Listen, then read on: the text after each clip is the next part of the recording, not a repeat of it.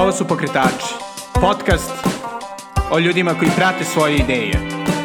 Ja sam Srđan Garčević. Dobrodošli. Dobrodošli u novu epizodu Pokretača.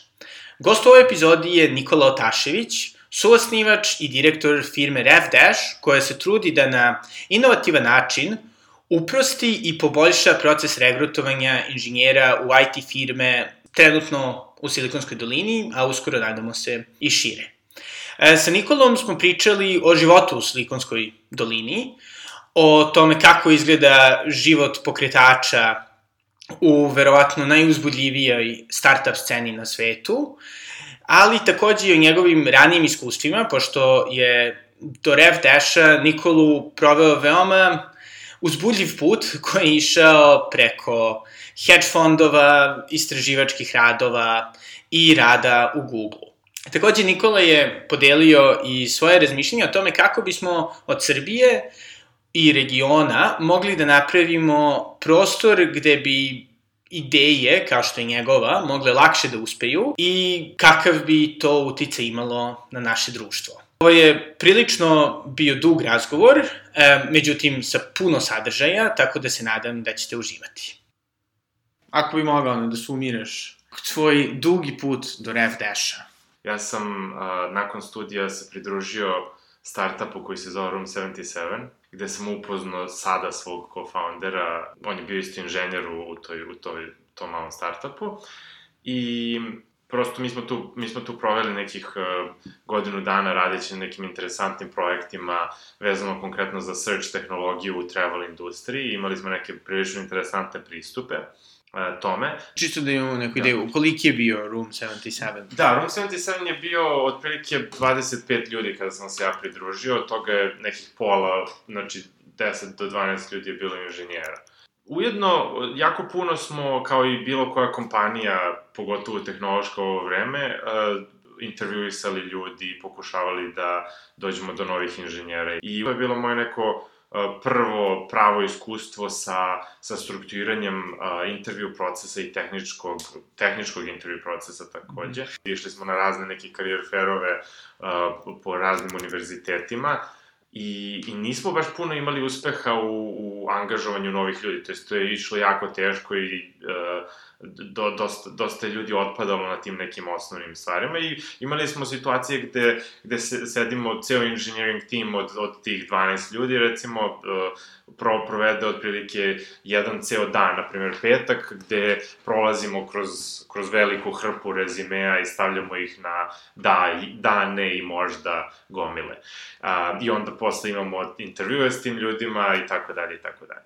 I sada, u nekom trenutku Google je kupio taj startup u kom sam ja bio i mi smo, mi smo svi prešli u Google i tamo smo radili naredne neke tri godine. Na istom projektu. Na, da, na istom projektu, znači Google je razvio taj hot, hotel uh, search engine, to je nešto gde i dan danas možete, ako tražite bilo koji, ne znam, hoteli u Londonu, ta vertikala searcha će iskočiti i to je nešto na čemu, na čemu smo mi radili. I sad, to je, to je bilo jako, jako lepo iskustvo. Google je taj neki ono landmark brand koji, koji je negde u, u, nekom, u nekom snu većine inženjera. To ja sam očekivao da, da sada tu kad dođemo da će to sve biti organizovano pod konac i da je to sve da je to sve rešeno. Međutim, video sam da se, da se suočamo sa nekim sličnim problemima, da jako puno ljudi se intervjuiše, da jako malo zapravo bud, biva, a, biva angažovano na neke pozicije, da jako puno vremena provode inženjeri u procesima nekim intervjuisanja gde prilično jasno, vrlo brzo da, da to neće ići na, na dobru stranu. A samo ovaj za, za nas koji nismo inženjeri, da, prilike, znači kako izgleda tipičan proces Tip zapošljavanja da, inženjera. Da, veoma često je, pogotovo, znači, u, tamo u San Francisco Bay Area, a, a i, i generalno sada u celom IT sektoru, je, je, su pretvoreni ti, e, taj intervju proces je pretvoren praktično u suvi tehnički proces. Dakle, konkretno, na primer, Google, a, proces je takav za zapošljavanje inženjera da, da vi prođete kroz jedan tehnički intervju gde zapravo sedite na telefonu ili na Google Hangout sa nekim a, i a, kodirate u nekom code editing, code sharing tool kao što je, na primjer, Google Docs, konkretno za Google. Provedete tu otprilike 45 minuta rešavajući neki matematičko-programerski problem i sada obično imate dve takve runde testiranja i onda idete na takozvani on-site gde imate dodatnih pet takvih sličnih intervjua gde ili rešavate neki programerski problem ili uh, pričate o nekom dizajnu nekog većeg sistema, ali opet u nekom prilično izolovanom uh, izolovanoj sredini, recimo na tabli ili tako nešto. I na osnovu tih pet intervjua se donese odluka da li ste vi za hire ili ne. A, tu ima jako, ma, jako malo zapravo uh, inputa sa druge strane u smislu kakva, kakvi ste vi kao osoba, koji je vaš psihološki profil uh, i tako dalje i tako dalje. Toga ima nešto više u samim startupima, zato što je to nešto što oni zovu culture fit možda malo bitnije za manje kompanije, jer uh, ipak morate da, kad, kada nekoga angažujete, morate ga uklopiti u tim od recimo desetak ljudi i tad je malo su bitniji ti ljudski odnosi, dok, na primer, u kompanijama kao što su Google, recimo Facebook, Microsoft i tako dalje, to je dosta onako um, uh, kao, kao, kao onako fabrička traka u suštini Aha. napravljeno, tako da samo, samo nam je bitno da, da ti ljudi budu pametni u tim određenim stvarima koje nas interesuju i onda on, samo na osnovu toga radimo hiring. Jako puno vremena se provodi uh, na tome, Google dobija, ne znam, ono, stotine hiljada aplikacija godišnje. Ja mislim da je to trenutno broj koji ide u milione čak. Gde se to nešto filtrira kroz neke rezime i onda imamo intervjue i tako dalje i tako dalje. I, uh, i shvatam da, da prosto uh, nemamo, nemamo prosto, ima, imamo ograničenje, to neko suštinsko na te 45-minutne uh, tehničke evaluacije koje su uh, pod jedan prilično stresne za ljude. To je prilično suludo po mojom mišljenju za industriju, pogotovo kao što je IT gde, se, gde smo mi ono, uh, dičimo se time da sedimo u lazy bagovima po ceo dan i da, i da ono, hodamo u japankama okolo i onda imamo proces koji je jako stresan. To je prvi problem. Drugi problem je što a, taj proces, zato što je tako strukturiran, nam ne dozvoljava da odemo dalje u dubinu a, evaluacije i zapravo vrlo često je taj proces kritikovan od kako ne, ne može lepo da sagleda nečiji, nečiji ability i skill, zato što prosto se fokusira na te snipete, znači ono što vi možete da uradite radite u 45 minuta je jako malo i zapravo ne, ne priča o nekim dodatnim uh, mogućnostima ljudi kao što su, ne znam, uh, sada za možda inženjersku publiku više, da. ne znam, code refactoring ili, ili snalaženje u velikoj bazi koda ili uh, pa i komunikacija sa ljudima i dirigovanje recimo timom nekim i tako dalje i tako dalje. Znači to je sve mnogo teže u, u razumeti u tih nekih 45 minuta. E sad, s druge strane, postoji ta neka a, nemogućnost industrije da inovira taj proces, zato što a, smo prisiljeni da svaka kompanija posebno radi taj proces i sada ako s jedne strane kandidat hoće da a, neko ko traži posao, hoće da aplicira na gomilu nekih kompanija, a, oni, oni zapravo ni nemaju prostora i vremena da, da potroše više vremena na, na taj sam proces. Neke kompanije pokušavaju da umesto tih 45-minutnih intervjua ubace projekte kao evaluaciju, međutim, to vrlo često padne zato što prosto sa druge strane kandidati nemaju vremena. I to je nešto što sam ja smatrao, čekaj, pa mora da postoji bolji način. I neka onako trivialna ideja koja ovako padne na pamet kada o tome razmišljate, pa ajde da izdvojimo taj proces izvan samih kompanije i da posle distribuiramo rezultate ka njima. I to je negde gde nešto što je u osnovi, u osnovi RevDash-a i, sam dan, i dan danas. Kako možemo da postanemo platforma a, koja služi da se na jednom mestu ljudi intervjuišu a, na način na koji nije stresan, na koji je, koji je brz i mnogo više objektivan i da na taj način mnogo lakše istraže svoje prilike za posao, a da pritom ih i kompanije mnogo, mnogo brže nađu. I da mi tu, sada što se tiče onako biznis perspektive, da mi uh, na samom ubrzanju celog ekosistema nađemo svoje mesto. U kom trenutku si odlučio, ok, ova ideja je dovoljno vredna da, da napustim prilično dobar posao u Google-u? Ja sam dosta neki dugi period, mislim dug period u toj nekoj perspektivi startupa, par meseci sam radio na nekim prototipima a, dok sam bio u Google. Znači, ja sam po neke, neke inicijalne eksperimente tu radio. To je, to je interesantna stvar oko startupa. Mislim da, mislim da shvatite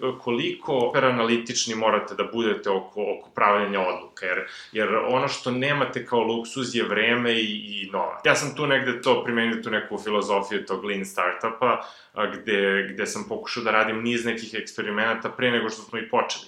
Naprimer, jedna hipoteza moja velika je bila da ljudi će želeti da se intervjuišu na RevDash-u umesto da, umesto da idu direktno u kompanije. Ja sam tu negde koncipirao da je tu jedan veliki value proposition, to da ćemo, da ćemo biti u mogućnosti po prvi put da damo ljudima zapravo stvaran feedback na to kako oni, kako oni se ponašaju u intervjuima. Firme obično to ne mogu da daju zbog raznih um, legal probleme. I sada mi smo to, kao prvi eksperiment, ja sam bukvalno uh, pokačio platformu, ja sam bio intervjuer za sve intervjue i poslao sam na, moj, na moju mailing listu na MIT-u gomili studenta i odmah prvog dana se onako sign upovalo, ja mislim da je bilo 46 ako se dobro sećam brojke.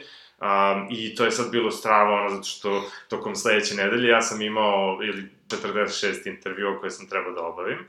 A, I onda sam tu testirao kako ljudi reaguju na taj feedback. Mnogo, mnogo sam dobio e-mailova gde su ljudi zahvaljivali, ej, super je ovo, ne mogu da verujem da postoji. Zato što prosto taj value proposition je bio, ej, dođi da pričaš ono, sat vremena sa nekim ko trenutno radi u Google-u, dobit ćeš feedback i tako dalje. Ništa više od toga.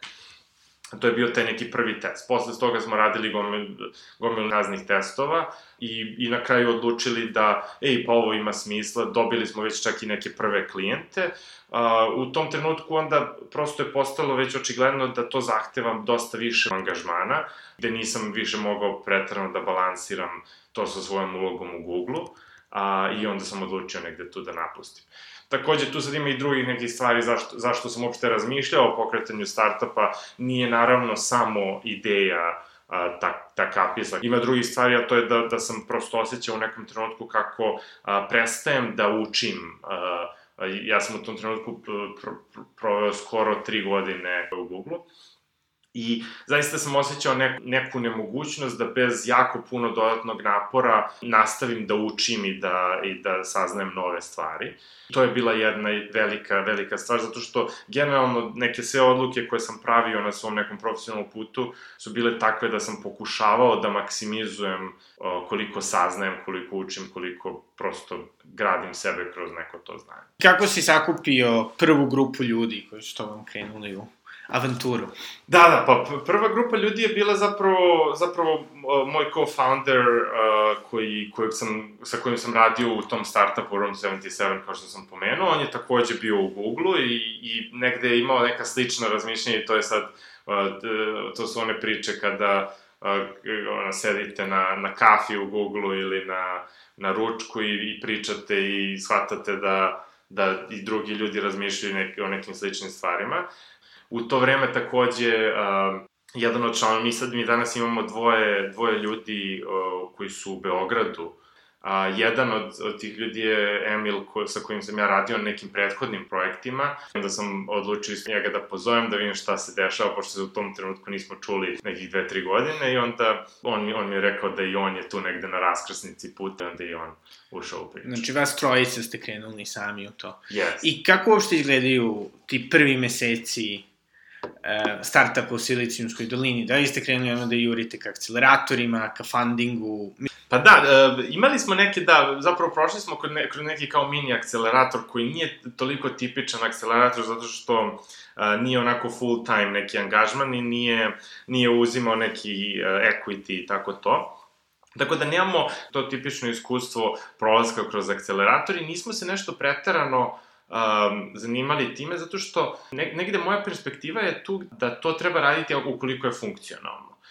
Čini mi se da često ljudi pokušavaju da, da stave na preduzetništvo neki da, da nakače neki kao recipe za to, a mislim da to zapravo ne postoji. Mislim da je suština preduzetništva u tome da, da je svaki praktično startup na neki način različit onda negde iz toga proizilazi da dosta startupa, čini mi se, pokušava se uklopi u neki kalu gde, e, kao ako su ovi koji, uh, koji su bili uspešni, prošli kroz akcelerator, ako su digli funding i tako to, ja moram da oponašam te korake da bih bio isto uspešan. A šta ste vi odlučili da radite? Pa mi smo odlučili da, da tražimo product market fit i, i ja bih rekao da je to, to je negde najbitnija, najbitnija stvar u startupu, da, da, da nađete ljude kojima, kojima rešavate problem. Dakle, ništa drugo, niti, ne znam, niti akcelerator, niti funding, niti... To su sve neke stvari koje mogu da vas održavaju u životu, ali ako ne nađete način da ljudima nekim koji su mogu, mogu bih da dodam spremni da plate za to rešenje problema, ako ne nađete da rešite taj problem, vi ćete biti mrtvi pre ili kasnije jako, jako puno vremena i fokusa treba provesti na to da, da, da, da onako tražite rešenje, rešenje problema koji, koji ste identifikovali kao I, I kako ste vi to radili? Ono, kompanije? Jeste, da, bukvalno ja sam prve neke klijente koje smo dobili tako što sam uh, kroz svoj neki personalni network, ono, raznih nekih foundera, a, ljudi koji rade u nekim drugim firmama, prvo pričao sa njima, pokušavao da razumem šta oni to trenutno koriste za rešavanje tih problema. Onda sam počeo da ih dovlačim takođe kao klijente i da, i da ubacujemo te kompanije u sistem i tako dalje. I, i to je, i to je generalno, generalno funkcionisalo i funkcioniše. To je, to je bio neki put gde, gde pokušamo da radimo iteracije sa tim direktnim ka, ono, customerima ovaj, koji, koji bi koristili taj naš proizvod. I sada u, u tim, da kažemo, ono, prvim mesecima, jel si ikada bio na foru, a ovo će da propadne? kraj. Apsolutno, da. Jako, jako puno. To, to, je, to je nešto što a, verovatno ljudi mnogo ne, o čemu ljudi mnogo ne pričaju i celo to preduzetništvo nije uopšte, ne, nema tu puno glamura jako redki su momenti gde, gde vas neko tapše po ramenu i govori kako je to nešto super.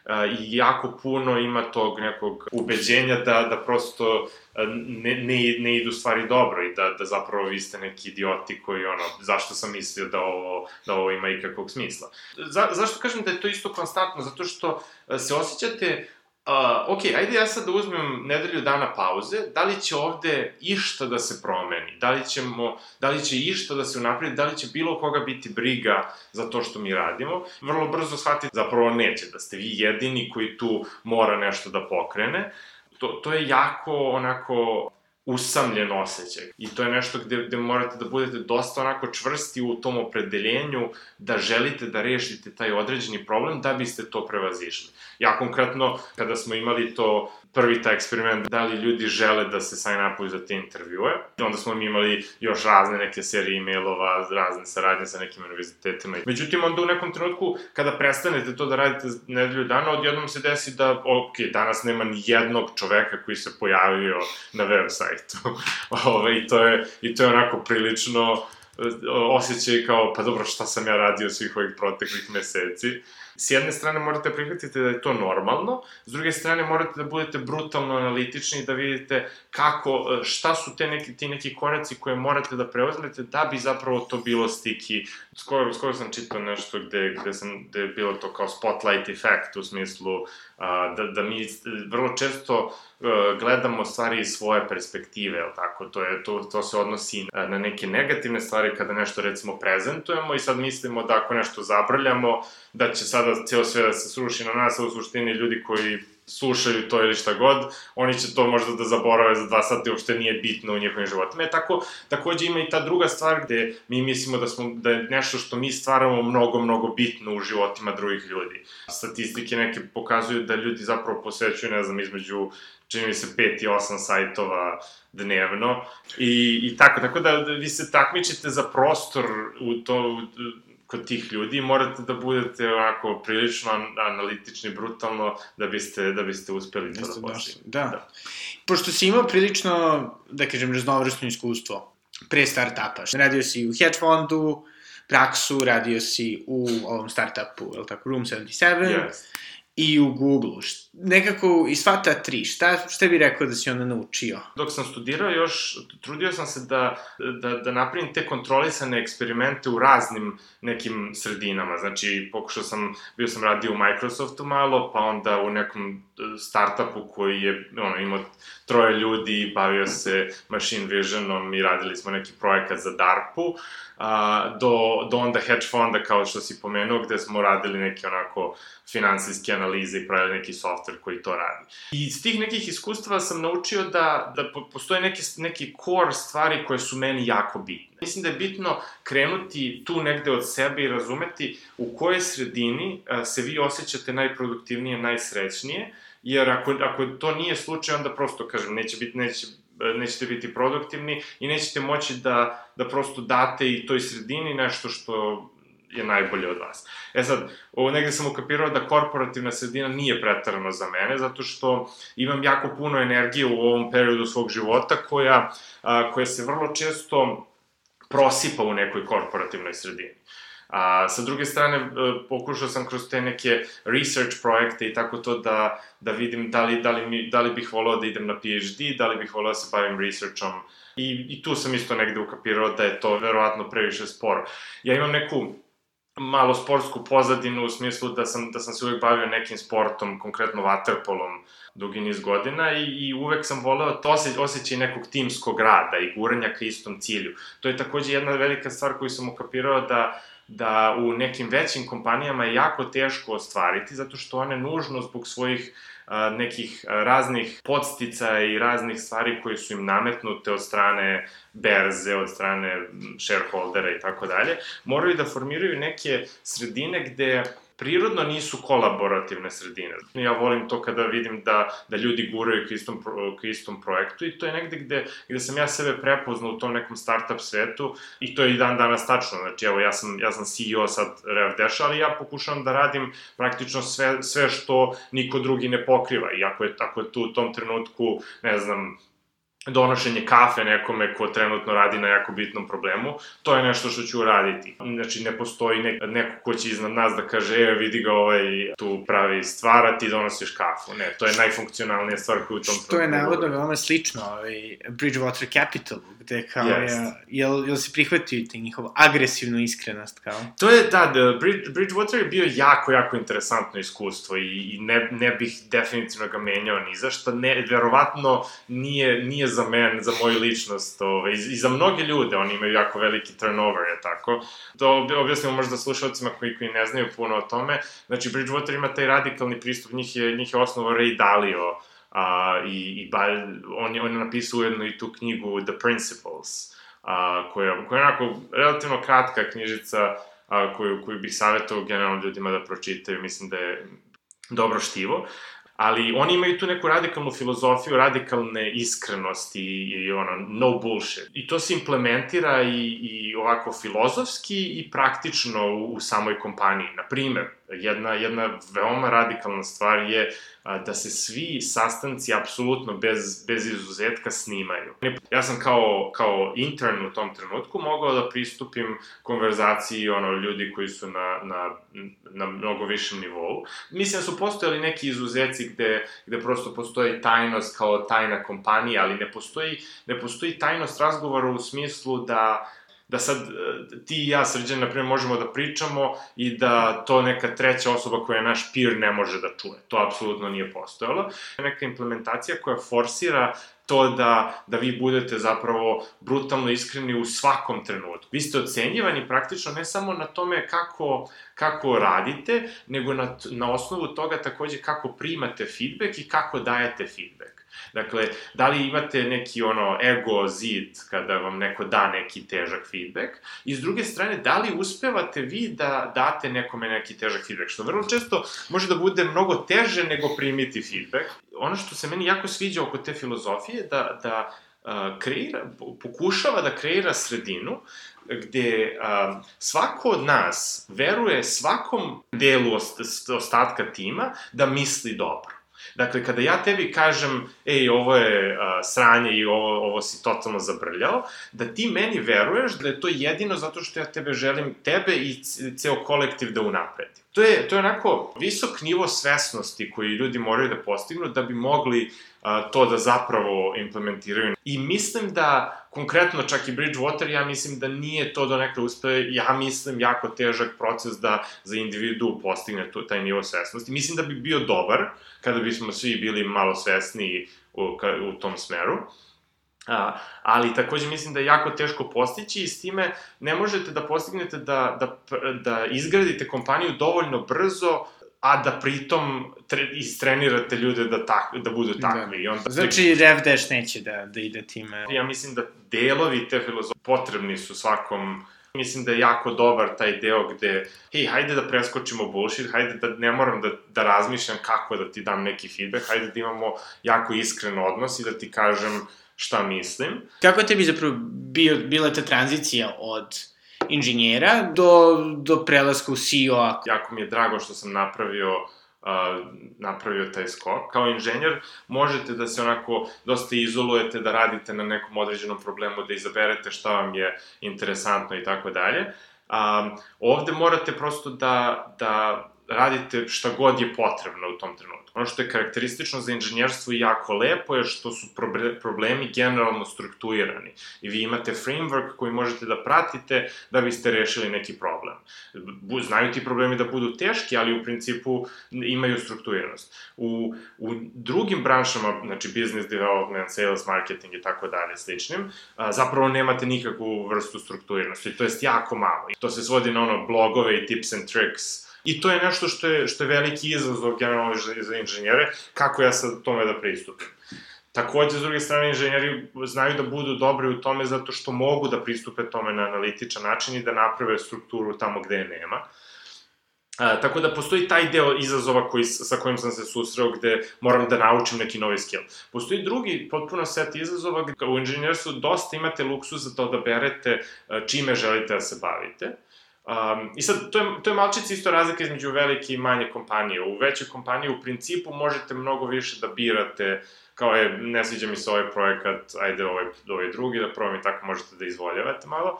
Uh, u startupu mnogo manje ima toga, prosto morate radite šta, šta vam je potrebno. E sad, na nekom nivou gde, gde ste CEO ili co-founder te, te, te kompanije, to je još više izraženo i, i stvarno morate da radite samo striktno ono što je baš veliki prioritet. To je nešto što je meni e, trebalo jako dugo vremena i dalje učim to da radim, a to je da, da budem brutalno, brutalan u toj prioritizaciji. Ja sam vrlo često sebe znao da uhvatim kako bežim u in, uh, inženjerstvu. Prosto lakše vam je da sedite sa kodom i da rešavate neki opet strukturiran problem, nego da, nego da pričate sa customerom i da, da pokušate da strukturirate neki problem. To je dosta teže. Kako zapravo sad uopšte izgleda RevDash? Koliko vas je? Pa sad ima, sad ima petoro ljudi, znači troje nas je u, u Americi, dvoje ovde. Gledamo to sad da, da dalje širimo i tako to da, da angažujemo još ljudi. Da, i kako sada izgleda tvoj, da kažem, tipičan dan u, u RevDashu? Um, moj tipičan dan, pa onako, da kažem, pokušavam da radim dosta nekih stvari koje, koje niko drugi ne radi. To je bio interesantan, interesantan blog jedan koji sam pročitao. Pokušavajte stalno da, da otpustite sebe od posla koji trenutno radite. Drugim rečima, radite gomilu nekih stvari i kad ukapirate da radite nešto što može da se strukturira, nađite osobu koja će to bolje raditi od vas, a uvek postoji. I onda negde, to, to je neki moj dan pokušavanje negde da, da obavim gomilu nekih stvari koje trenutno nisu pokrivene i da pokušam da nekako strukturiram te role tako da kada angažujemo neku novu osobu, da, da ta osoba može to da preuzme i radi to kvalitetnije nego što I jel si, jel ono, prihvataš ono, e, filosofiju Silikonske doline, ono, lupam buđenje u 4.30, ono, ovo, ono, ili, mislim, kada, kada se uopšte budiš? Da, da, da, pa ja ustajem, ja ustajem dosta rano, ne baš u 4.30, 30, ali onako oko, oko 6.30 mi obično počinje dan. Prošle godine nisam uopšte obraćao pažnju na svoje onako zdravlje i fitness i tako dalje. Ove godine sam počeo malo više o tome da obraćam pažnju, tako da obično tu ide neki onako lagani trening i doručak i, i onda počinjem već od onako 7, pola 8 da radim. I radim, radim dosta dugo, znači mislim da se otprilike dan negde završava to sad dosta varira, ali recimo do, do ono 7 uveče ili tako nešto. I vrlo često to zna da se ili produži dalje ili da se prosto u tom trenutku uzmem neki odmor, odem recimo na plivanje ili nešto i onda se vratim i ponovo radim. Dani su prilično fleksibilni u tom smislu, to je s jedne strane dobro jer imate tu fleksibilnost, s druge strane može da se desi da ono, prosto samo, samo radite ili da ne radite dovoljno, jedno od ta dva. Šta bi, šta bi preporučio nekom mladom programeru koji želi da ode u Silikonsku dolinu. Da, da, da. Pa dobro, definitivno ono, ono što je ono što je specifično za za tu San Francisco Bay Area je to da su svi okrenuti ka inovaciji, ka ka generalno tech inovaciji to je jako dobro za produktivnost. Znači, zato što konstantno ste upereni na to, bilo ko sa, sa kim pričate će, će biti spreman da priča o tome na ovaj ili na ovaj način, od ono, Uber vozača s kojima pričate, koji vam kažu svoje mišljenje i tako dalje. Na žurkama se isto jako puno priča o startupima, o, o kompanijama. Generalno, sve je, sve je dosta usmereno na taj neki poslovni život.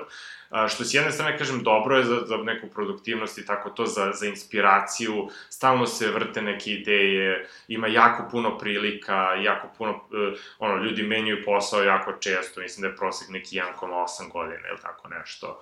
Sa druge strane, ima negativnih aspekata toga, to je da jel, iste ove stvari koje sam sad upravo rekao, a to je da ako hoćete da pobegnete od toga da pričate o tome, to ume da bude malo challenging. Sa, sa treće strane, Kalifornija generalno je jako lepa država u tom smislu da ima jako lepo vreme i onda ljudi generalno rade te dosta out, outdoorsy activities, i svi su prosto aktivni i šta god da želite da radite, uvek možete da nađete nekoga sa kim, sa kim ćete to moći da radite. Tako da, dosta ljudi se pronađe u tome. Često kada pričam sa, sa nekim ljudima iz našeg nešeg, nekog podneblja, čujem je da, i generalno ono što, što ja onako shvatam je da, da prosto postoji ta neka razlika u mentalitetu i, i, i malo možda teže povezivanje. Sad tu treba uraditi neku introspekciju i, i videti da li vam taj način života prosto odgovara. Mislim da je samo, samo bitno to da ukapirate kako da u toj sredini budete onako srećni i produktivni takođe. Da, dakle, šta vam odgovara, šta vam ne odgovara, da li je to za vas. Nije, nije, nije za svakoga ta sredina, prosto zna da bude dosta intens, jako onako Californians vole da se diče time da su laid back, ali uh, to, je, to je možda tačno bilo gde, sem Silikonske doline, uh, ovde, ovde zna da bude onako prilično intens. U Startitu se isto priča o tome i kako misliš da bi Srbija mogla da, da poboljša svoje preduzetništvo.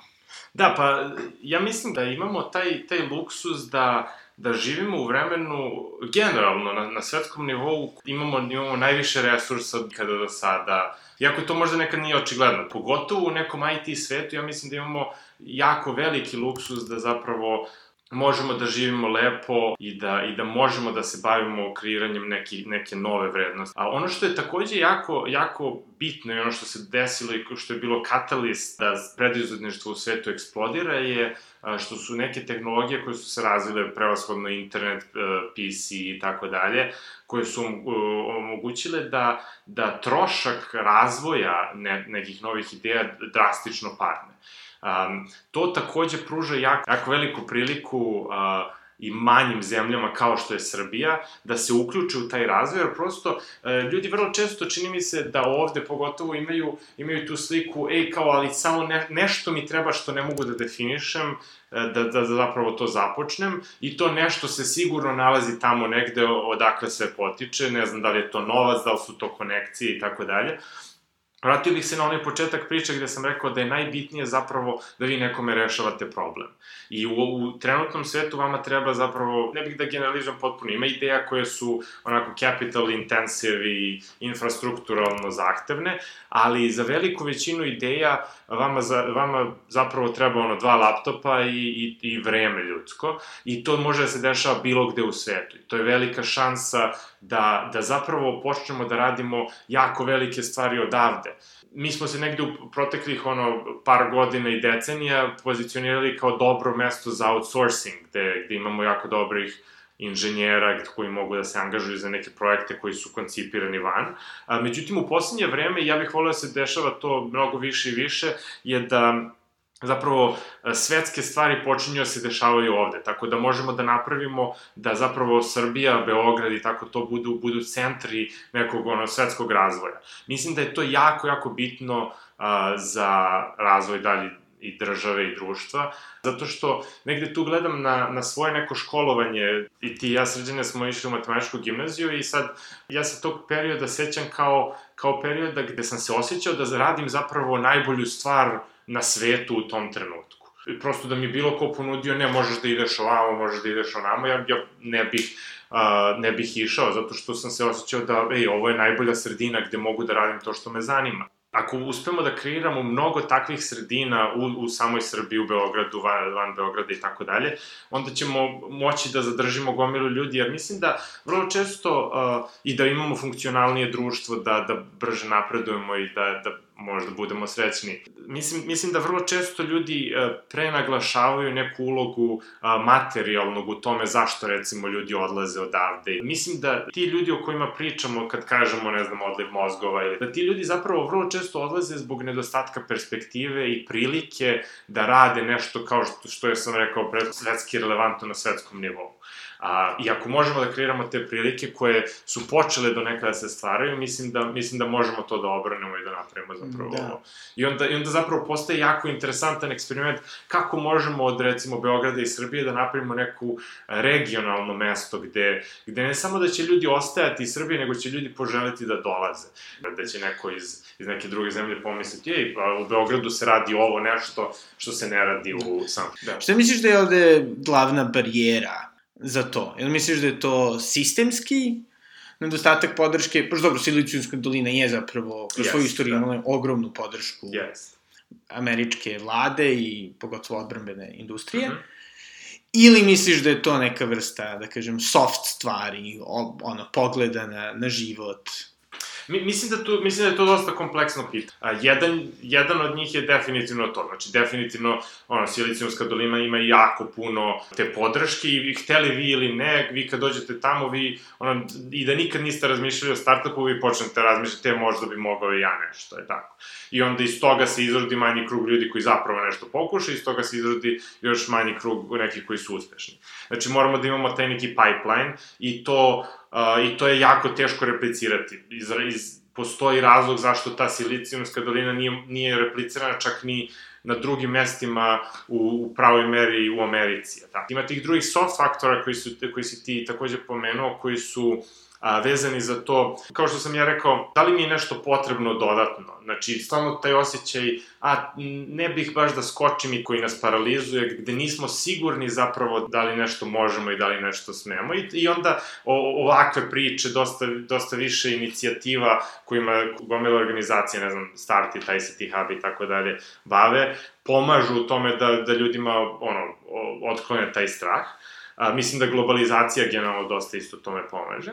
A, I treća stvar je, ja mislim, i naravno, to nije, to nije sad onako comprehensive analiza, ali jedna treća stvar koja mi pada na pamet je a, edukacioni sistem malo drugačiji. Znači, ja kad sam otišao u Ameriku, a, susreo sam se sa nekim edukacionim sistemom koji mnogo, mnogo više vrednuje neku kreativnost, a, snalažljivost, kritičko razmišljanje i tako dalje, dokle je naš sistem onako dosta dobar u nekim core stvarima, ali nevredno je pretrano te, te neke druge stvari i onda sam taj sistem čini mi se da kreira dosta paralize i u, u, u preduzetništvu gde zapravo, kao što smo rekli na početku, mislim da je jedna osno, osnovna odlika preduzetništva to da, da nema recepta za uspeh, nego prosto morate, morate sami kreirati svoj put u zavisnosti od toga kako se, gde se nalazite. Da li misliš da recimo si ti bio manje preduzetan, da kažem, da. od svojih kolega na, na MIT-u zbog ono, da kažem, relativno determinističkog sistema u našim osnovnom i srednjoj školi ili da, da ste sada ono posle MIT, znači u odnosu na, na drugove Amerikance. Da. U odnosu, ili misliš da ste kao isti? Pa, posle svega toga. Da, to je, to je sad dobro pitanje. Mislim da definitivno postoji makar mali deo toga, da, da sam manje bio preduzetan od, od, od tih drugih ljudi. Takođe, moja, moja nekako putanja je bila takva da sam ja do nekle kreirao tu svoju edukaciju sam, gde sam se bavio, i ti da. i ja smo se bavili nekom debatom u srednjoj školi, Um, bavili smo se raznim nekim, ne znam, ja sam išao u Petnicu. Um, matematička gimnazija sama po sebi je sredina koja uh, okuplja dosta, jako puno ljudi koji, koji su pametni i spremni da razmišljaju o raznim nekim stvarima i onda to je nekako malo drugačije od, od recimo ostatka edukacionog sistema. Tako da e, i da i ne je odgovor na tvoje pitanje. Da, delom definitivno sam osjećao na svojoj koži to o čemu pričam, ali takođe mislim da, da to postoji i u mnogo većoj meri u našem onako tradicionalnom edukacionom sistemu nego što sam i ja mogao to da iskustim. Ne možeš nešto da dodaš nešto? A, pa, ne znam, kada, ako, se, ako se, kažem, zadržamo na tom, na tom startup uh, svetu, kažem, uh, mi, mislim da je ono bitno nešto što se ne ističe često je to da tu, kažem, nema glamura. Uh, vi pokušavate da napravite nešto, sama definicija startupa je to da vi pokušavate rešite neki problem koji je svetske prirode i da, da steknete neku tu svetsku dominaciju, da imate taj neki eksponencijalni hockey stick growth. A, uh -huh. i, u tome. I to je prilično teško, to samo po sebi, kad, sad, kad sam ga izgovorio, tako mora da zvuči pretrano teško, zato što vi kao neki relativno mali tim od uh, dvoje, troje, petoro, 20 ljudi, pokušavate da, da se takmičite na toj velikoj sceni. Um, često se uh, u nekoj popularnoj kulturi to, to predstavlja kao, eto sad, ne znam, Mark Zuckerberg, mislim, primetit ćete, ste čuli, ono, za 10 entreprenura ukupno, ako, ako se ne bavite time, i postoji razlog zašto se tih 10 spominja, ne stotine hiljada drugih koji, koji su u tome participirali. Uspeh kao neka zagarantovana stvar ne postoji i da to, da to, ne, da to ne treba da bude neka motivacija a, glavna. Glavna motivacija mora da dođe iz, a, ili barem veliki deo te glavne motivacije mora da dođe iz neke obsednutosti jednim problemom koji, koji želite rešiti. Mnogo, sad tu ima variacija na to, neko je obsednut nekom određenom tehnologijom koju, o kojoj želi da uči, ili neko je obsednut samim učenjem i, i prosto avanturom tom i tako dalje. To je isto okej, okay, naravno. Malo smo pričali o tome da li postoje trenuci kada, kada se osjećaš da, da si sam na svetu, da, da prosto ne ide, što, što mi je ovo trebalo i tako dalje. Ti, ti trenuci apsolutno bez, bez izuzetka se dešavaju. a, vrlo često i, i prosto da biste pregurali te trenutke morate da imate nešto što, što uh, neće, neće vas odvući na drugu stranu. Ako imate novac i ne znam, neko, neki uspeh i tapšanje drugih po ramenu kao, kao merilo tog uspeha, jako lako ćete biti dovedeni u situaciju da odustanete, jer pogotovo u ovoj industriji prosto postoji jako puno drugih prilika i to što se definiše kao neki opportunity cost je obično jako veliki. Vi to nećete moći da izbegnete i, i prosto ćete odustati. I to je bio Nikola Otašević iz RefDash-a. Nadam se da ste uživali u našem razgovoru. Postavio sam beleške o našem razgovoru na mom blogu thenutshelltimes.com, gde možete naći linkove za razne stvari koje Nikola pomenuo. I čujemo se u sledećoj epizodi. Doviđenja!